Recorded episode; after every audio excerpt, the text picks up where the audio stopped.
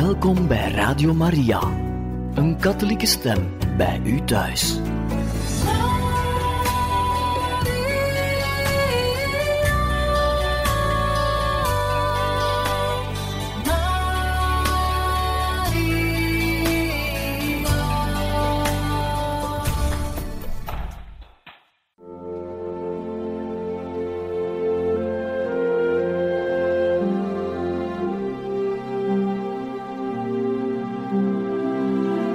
Beste luisteraars van Radio Maria, welkom bij het programma Catechismus.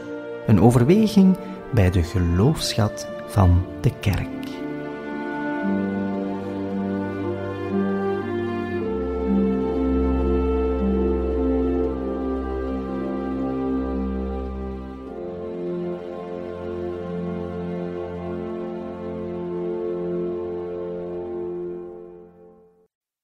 Beste luisteraars, van harte welkom bij deze catechese over de heilige Theresia van Lisieux. In een vorige aflevering hebben we het gehad over de eerste dagen en weken van de heilige Theresia. Hoe zij is opgegroeid in een zeer gelovig gezin. De ouders wensten alles te doen opdat hun kinderen volledig van God zouden zijn. De ouders hadden reeds heel vroeg kennis gemaakt met de dood. Zij hebben van hun negen kinderen vier kinderen heel vroegtijdig moeten afgeven. Theresia van Lisieux is dan de laatste. En ook bij haar is er een zekere schrik dat zij het niet zal halen. De eerste dagen na haar geboorte komt zij over als een vrolijk kind. Maar na enkele dagen merkt men toch een probleem bij haar. Ze ontvangt namelijk zeer slecht de melk van de moeder. Ze heeft het zeer moeilijk om te eten. En het zal nodig zijn om iemand te vinden die voeding kan geven aan de kleine Theresia. Zij zal gevonden worden, en dat is bij een zekere mevrouw Tallier. Mevrouw Tallier woonde met haar gezin op enkele kilometers van de stad Alençon.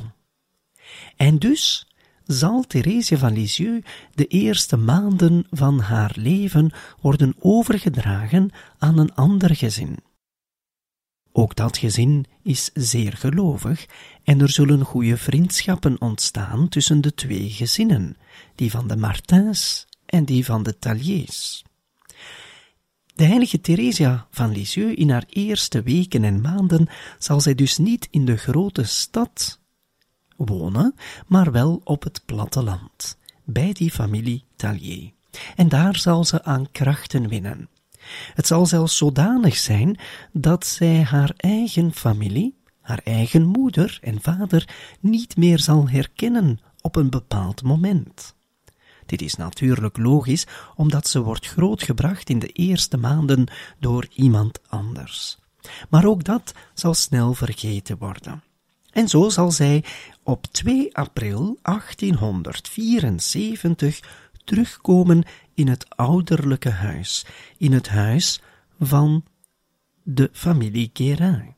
En dit in de grote stad van Alençon op dat moment. Het zal een blij weerzien worden en we gaan nu enkele getuigenissen lezen van de moeder, de heilige Zélie. Zij schreef vele brieven en daarin spreekt zij over het opgroeiende kind, Theresia van Lisieux. Ze schreef op Pasen 6 april 1874, enkele dagen na de terugkomst van Theresia in het gezin. Theresia zelf is dan een jaar en vier maanden. De moeder schrijft: Ik zag Therese donderdag. Het was dan witte donderdag. Ondanks het slechte weer, en ze was wijzer dan de vorige keer. Louise, de oudste zus van Therese, was echter niet gelukkig. Want die kleine wilde niet naar haar kijken of met haar meegaan, en ik schaamde mij zeer. Er kwamen elk ogenblik werksters naar mij toe, en ik gaf haar aan de een of aan de ander. Zij wilde hen wel zien, nog gewilliger dan ik, en kuste hen verscheidene malen. Plattelandsvrouwen, gekleed als haar kindermeisje, zijn het soort mensen dat ze altijd nodig heeft. We zien dus onmiddellijk het grote belang van die eerste kinderjaren of zelfs kindermaanden. Theresia is het gewoon van op het platte, platteland te wonen en niet zozeer in de stad zoals de rest van het gezin. En Theresia gaat dus eigenlijk automatisch gericht naar die plattelandsvrouwen. Ook mevrouw Tallier arriveerde, terwijl een werkster haar vasthield, zo schrijft Celie verder. Zodra ik haar zag, zei ik tegen haar, eens kijken of de baby naar je toe wil. Ze was verrast en zei, waarom niet? Nou, probeer maar. Ze stak haar armen uit naar het kind, maar het kind verstopte zich en schreeuwde alsof het verbrand was. Ze wilde niet eens dat mevrouw Tallier naar haar keek. En daar hebben we hartelijk om gelachen. Ze is immers bang voor mensen in modieuze kleding. Ik hoop dat ze over vijf of zes weken zelfstandig kan lopen. We moeten haar alleen bij een stoel zetten en ze staat al heel goed en valt nooit. Ze neemt daarvoor haar kleine voorzorgsmaatregelen en lijkt erg intelligent. Zie daar deze eerste blik van de moeder Celie op haar kind Theresia. Natuurlijk in het afgelopen anderhalf jaar. Wanneer het kind weg was, heeft zij het kind vaker gezien. Maar nu woont Theresia voor het eerst in het ouderlijke huis. En zullen ze zien hoe Theresia toch wel al een wonderkind is. Een mooi kind, een kind dat zich onderwerpt aan de zorgen van een vader en een moeder. Toch zien ze ook een zekere moeilijkheid, een moeilijkheid die Theresia heeft om zich aan te passen aan het nieuwe huis, aan het gezin, haar eigen gezin, maar voor haar op dat moment een nieuw gezin. En zo schrijft Zélie aan haar schoonzus. Zodra Therese in gezelschap is, is ze zichzelf niet meer. Ten slotte heb ik niet meer vertrouwen dan in een wonder om deze natuur van haar te veranderen. Het is waar, ik verdien geen wonder, en toch hoop ik tegen alle hoop in. Hoe meer ik het moeilijk zie, hoe meer ik ervan overtuigd ben dat de goede Heer niet zal toestaan dat het zo blijft. Ik zal bidden, zolang hij zich laat buigen. Op de leeftijd van achttien maanden was Theresia genezen van een ziekte waaraan zij zou sterven. Waarom zou de goede God haar van de dood hebben gered, als hij geen genade voor haar zou hebben? En dus, de moeder van Theresia legt alles in de handen van God. Zij vertrouwt erop dat God ook het karakter kan veranderen die gegevenheid die in de menselijke natuur zit. Maar dit altijd ten goede. En bij Theresia is er nu een moeilijkheid van aanpassen. Het moment dat zij misschien een beetje moeilijk doet, dat zij droevig is, omwille van die grote aanpassing in haar eigen leven. Het vertrouwen van de moeder op God is heel groot. En we kunnen dit aantonen met een kleine gebeurtenis die de moeder beschrijft op 25 juni 1874 in een brief aan haar twee kinderen Marie en Pauline. Onlangs, zo schrijft ze, had ik een eigenaardig avontuur met het kleine meisje. Ik ging elke dag naar de mis van half zes. Eerst durfde ik haar niet alleen te laten, maar toen ik zag dat ze nooit wakker werd, besloot ik uiteindelijk om haar achter te laten. Ik legde haar in mijn eigen bed en bracht de wieg zo dichtbij dat ze er niet uit kon vallen. Op een dag vergat ik de wieg op te zetten. Ik kom aan, terug thuis, en kan de kleine Theresia niet vinden. Op hetzelfde moment hoor ik een schreeuw. Ik kijk en ik zie haar zitten op een stoel die bij het bed stond.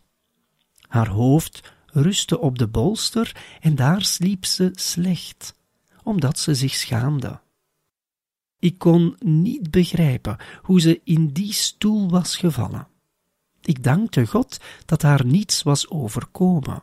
Het was echt voorzienigheid. Ze moest op de grond rollen, haar goede engel zorgde ervoor en de zielen in het vaagvuur tot wie ik elke dag bid, vanwege haar, beschermde haar. En dus Gods wil geschieden. Zélie Guérin schrijft zo over Theresia. Een heel bijzonder geval, over wat het specifiek gaat, weten wij niet. Is er een klein wonder gebeurd? De manier waarop Theresia van het bed in de stoel geraakt, is onbegrijpelijk. Maar het toont aan hoe Zélie, de moeder, in de eerste plaats altijd vertrouwt, vertrouwt op God. En misschien is dat wel de catechese les voor vandaag. Het grote vertrouwen van de moeder in dit geval, maar we kunnen zeggen van de ouders, voor het goedkomen van de zaken van de kinderen. Het grote vertrouwen in God. We nemen even een pauze en zo dadelijk gaan we verder met het bekijken van enkele mooie passages van brieven van de moeder van Theresia van Lisieux om aan te tonen hoe mooi haar eerste jaren waren bij het gezin Martin.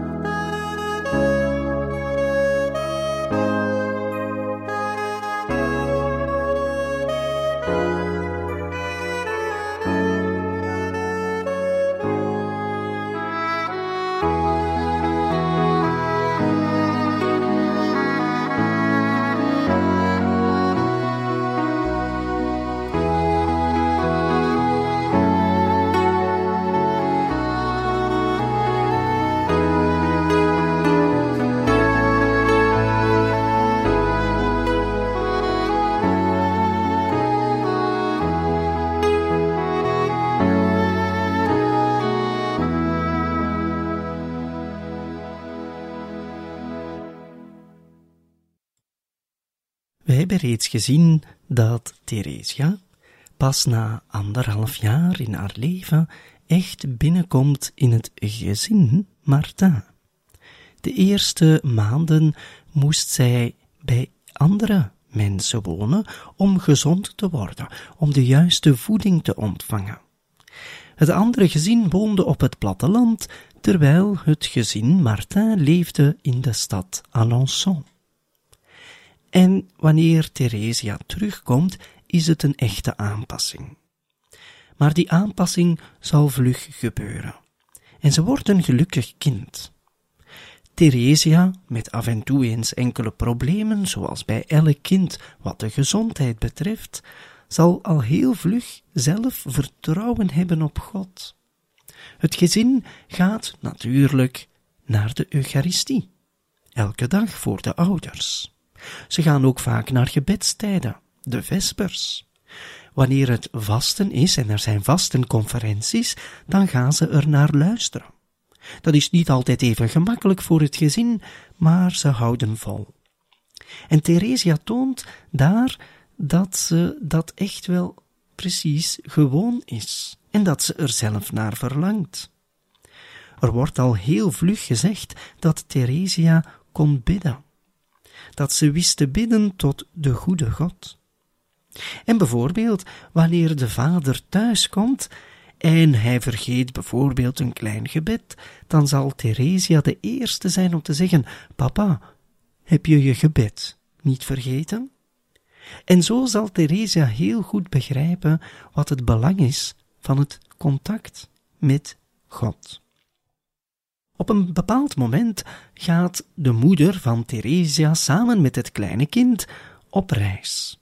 Een korte reis om de zus van Zélie, de moeder, te gaan bezoeken, en dus de tante van Theresia. Zij is in het klooster bij de visitandina. En ze gaat er naartoe met de trein. En de moeder schrijft in een brief dat het heel goed is gegaan met Theresia.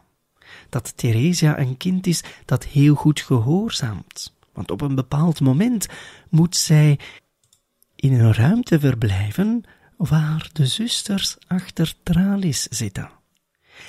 In de eerste plaats is dat schrikachtig, maar voor Theresia was dat eigenlijk een indruk over de gehoorzaamheid aan God. En zo zal de zuster, visitandine, de tante dus van Theresia, op een bepaald moment zeggen dat het bezoek o zo mooi was en dat Theresia een kind is dat buitengewoon gehoorzaamt en goed is, en zelfs zeer schattig is. En dat ze alles beantwoordde wat er werd gevraagd. Wat kunnen we daaruit leren of inzien? Dat is dat Theresia een gelukkig kind is, een kind dat een klein beetje verwend wordt en tegelijkertijd dat het een kind is dat reeds de richting kent naar God toe.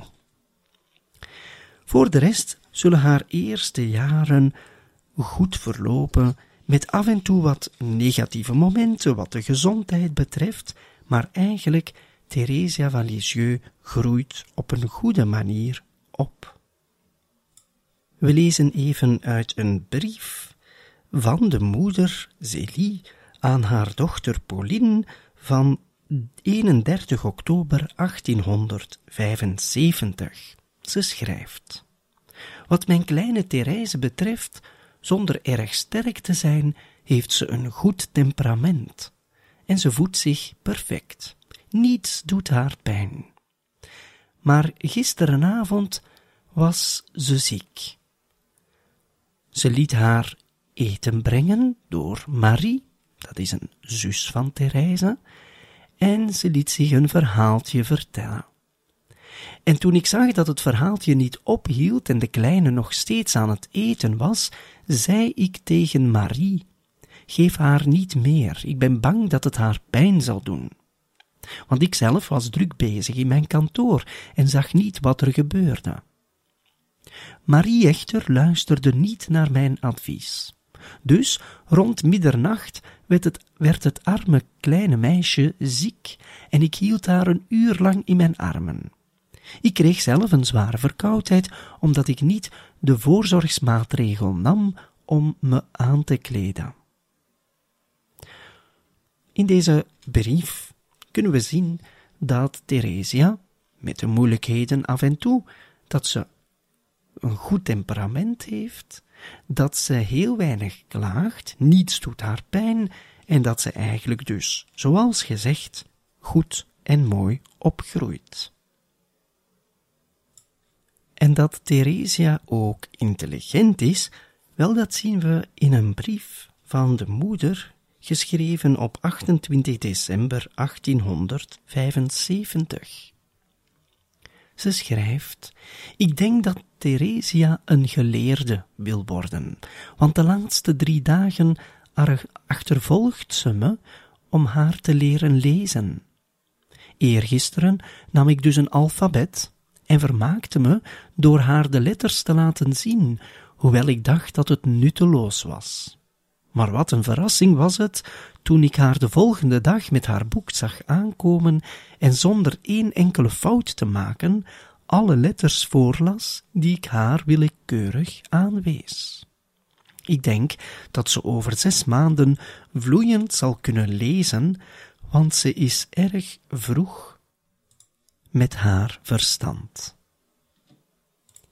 Ondertussen zien we ook dat de zussen van Theresia af en toe helpen bij de opvoeding. Ze heeft het geluk om grote wijze zussen te hebben. En wat gebeurt er eigenlijk met die zussen wel? We kijken even naar Marie, de oudste, die geboren was op 22 februari 1860. Op 15-jarige leeftijd in 1875 gaat ze op retraite voor enkele dagen bij de visitandinnen, daar waar hun tante leefde. En het is tijdens die retraite, 15-jarige leeftijd, dat ze eigenlijk de oproep ontvangt om zich over te geven aan het religieuze leven. Zeer vroeg zal dat kind eigenlijk die roeping ontdekken, maar ze zal er nog niet direct aan toegeven. Dat ze zou willen trouwen, dat is sowieso ook al een nee. En dus zien we heel vroeg dat de kinderen van Louis en Zélie gericht zullen zijn op het religieuze leven. En dat zal ook gebeuren. Marie als eerste, en nu reeds op vijftienjarige leeftijd, terwijl Theresia, wanneer ze nog echt een kind is, op dit moment twee, drie jaar, wel, ook zij zal op dat moment al gericht zijn naar God toe. Het speciale is dat op die jonge leeftijd velen van ons geen herinneringen meer hebben. Theresia echter behoudt herinneringen van een zeer vroege leeftijd af. Zo zal ze zelfs in haar geschrift, op het einde van haar leven schrijft ze eigenlijk haar leven uit, zal ze daarin vertellen over deze eerste jaren, hoe ze haar zussen herinnert, hoe ze enkele details in haar leven herinnert. Zo schrijft ze bijvoorbeeld dat ze zich herinnert dat ze als kind heel vaak werd geslagen. Dat dacht ze. Maar eigenlijk botste ze s'nachts altijd met haar hoofd tegen een paal van het bed. En op een gegeven moment zullen de ouders het kind veel lager in het bed leggen, zodat het zich niet meer kan stoten.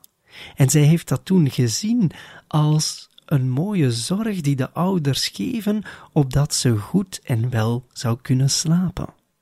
Het kind zelf was toen nog maar drie jaar, en toch herinnert ze zich heel aandachtig deze kleine details van haar leven. En al die kleine details en die goedheid die zij heeft ondervonden in het gezin, zullen haar doen leiden naar een keuze die ze zal maken om zich volledig te geven aan God in het religieuze leven.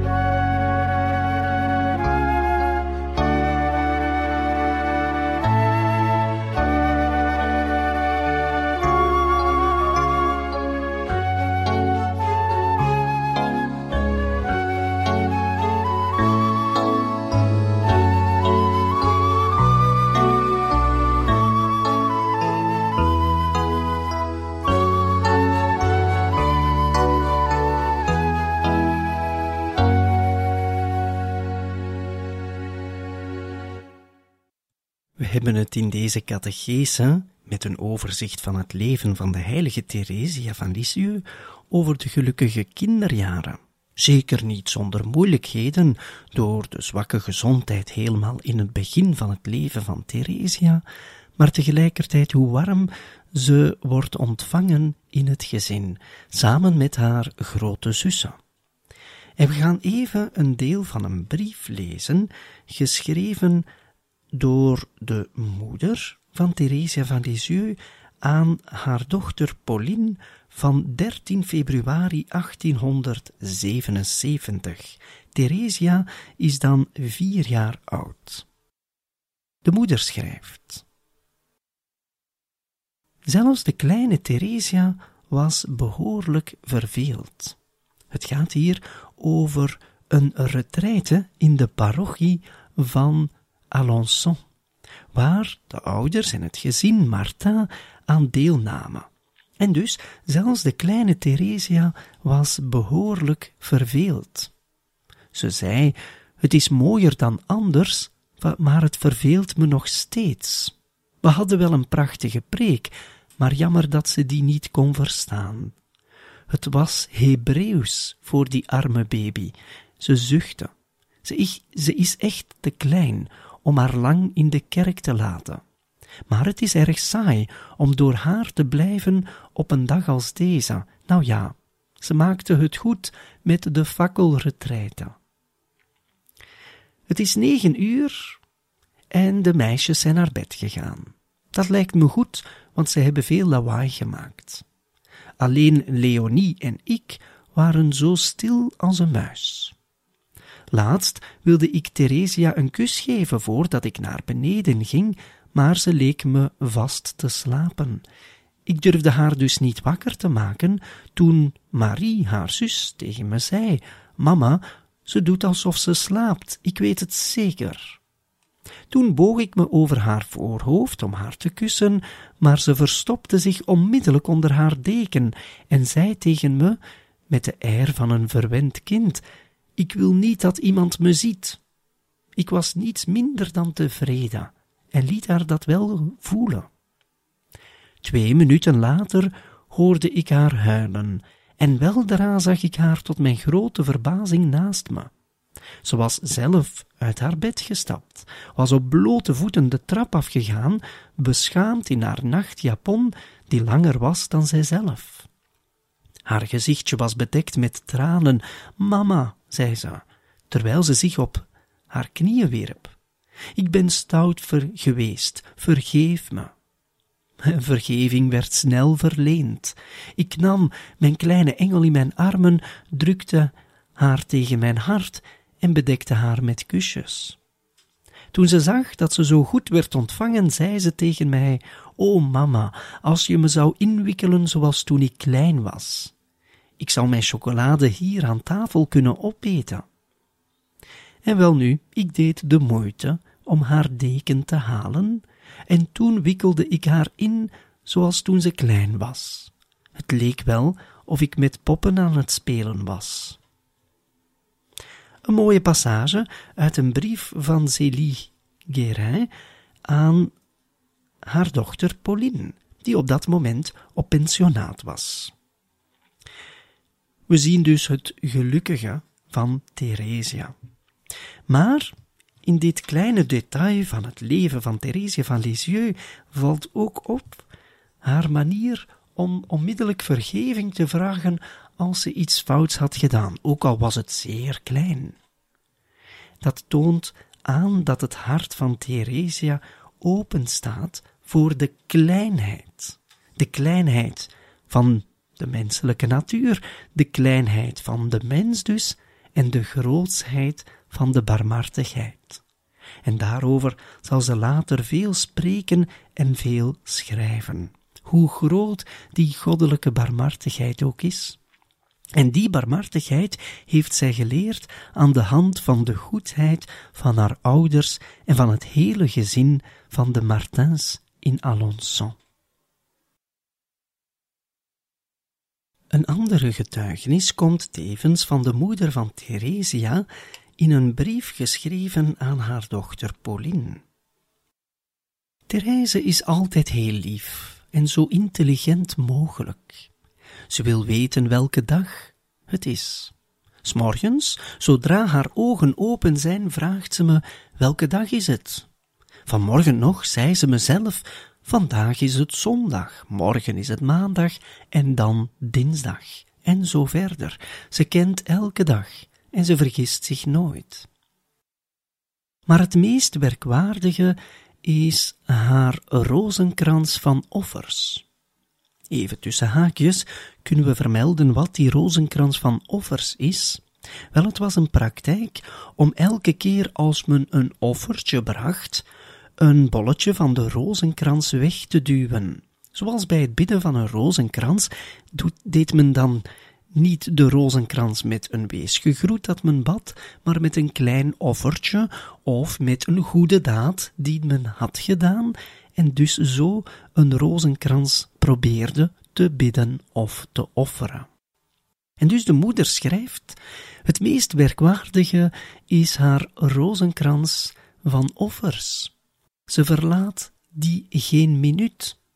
Ze markeert ze zelfs een beetje te veel. Dat wil zeggen dat ze iets te veel bolletjes wegduwt en iets te veel offertjes brengt. Want laatst, toen ze in haar kleine hoofdje vond dat Céline, een van de zussen, een verwijt had verdiend, zei ze: Ik heb iets doms tegen Céline gezegd. Ik moet een bolletje van mijn offerrozenkrans markeren.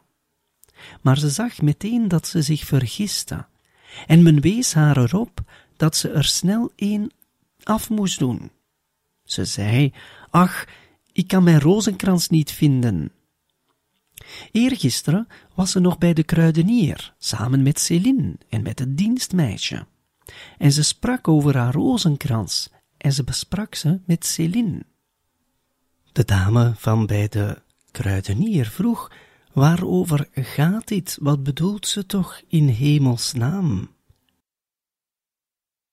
En zo gaat het heel de tijd door. Zelfs als ze in de, tuin, in de tuin aan het spelen is, dan horen we niets anders dan spreken over haar rozenkrans van offers. Dit lieve kleine meisje maakt ons echter heel blij. Ze zal goed zijn. We kunnen het zaad al zien. Ze spreekt alleen over de goede God. Ze zou niet nalaten haar gebeden te zeggen. Ik zou willen dat je haar kleine fabeltjes zag voordragen. Ik heb nog nooit zoiets liefs gezien. Ze vindt de juiste uitdrukking en toont helemaal zelf. Maar het is vooral wanneer ze zegt: Klein kind met een blond hoofd, waar denk je dat de goede God is? Hij is overal in de wereld, hij is daarboven, in de blauwe lucht. En als we haar dan zien opkijken, wel, dan straalt ze als een engel. Dit is een mooi getuigenis, die ons aantoont dat Theresia intelligent is, goed gemutst is, gelukkig, maar vooral dat ze God kent en dat ze door die kleine devoties en offers God echt op een centrale plaats zet in haar leven, zoals kinderen dat goed kunnen. Zij toont hiermee aan wat er in het evangelie staat over het kind zijn van God. En zo zijn de echte kinderjaren van Theresia verlopen. Theresia ziet als kind reeds in dat zij niet alleen kind is van haar ouders, maar tevens kind van God. En zo besluiten we vandaag deze catechese over Theresia van Lisieux en over haar kinderjaren. Hier gaan we verder op in bij een volgende aflevering van deze catechese reeks over de kerklerares Theresia van Lisieux.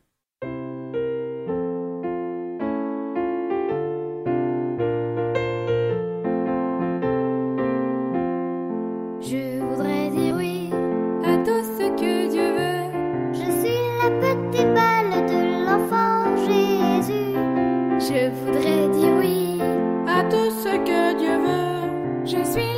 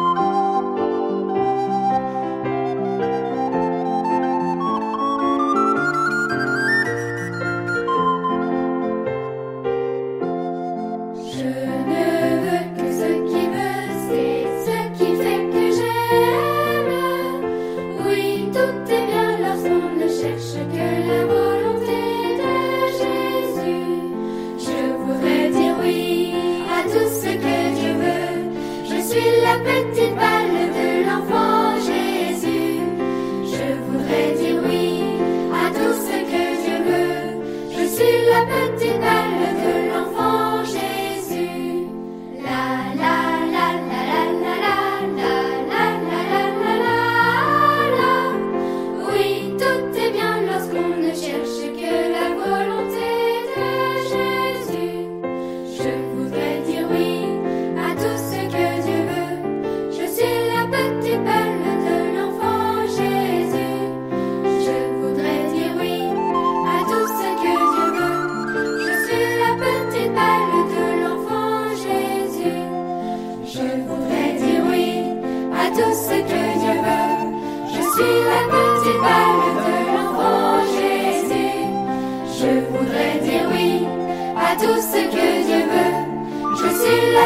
bal de l'enfant Jésus.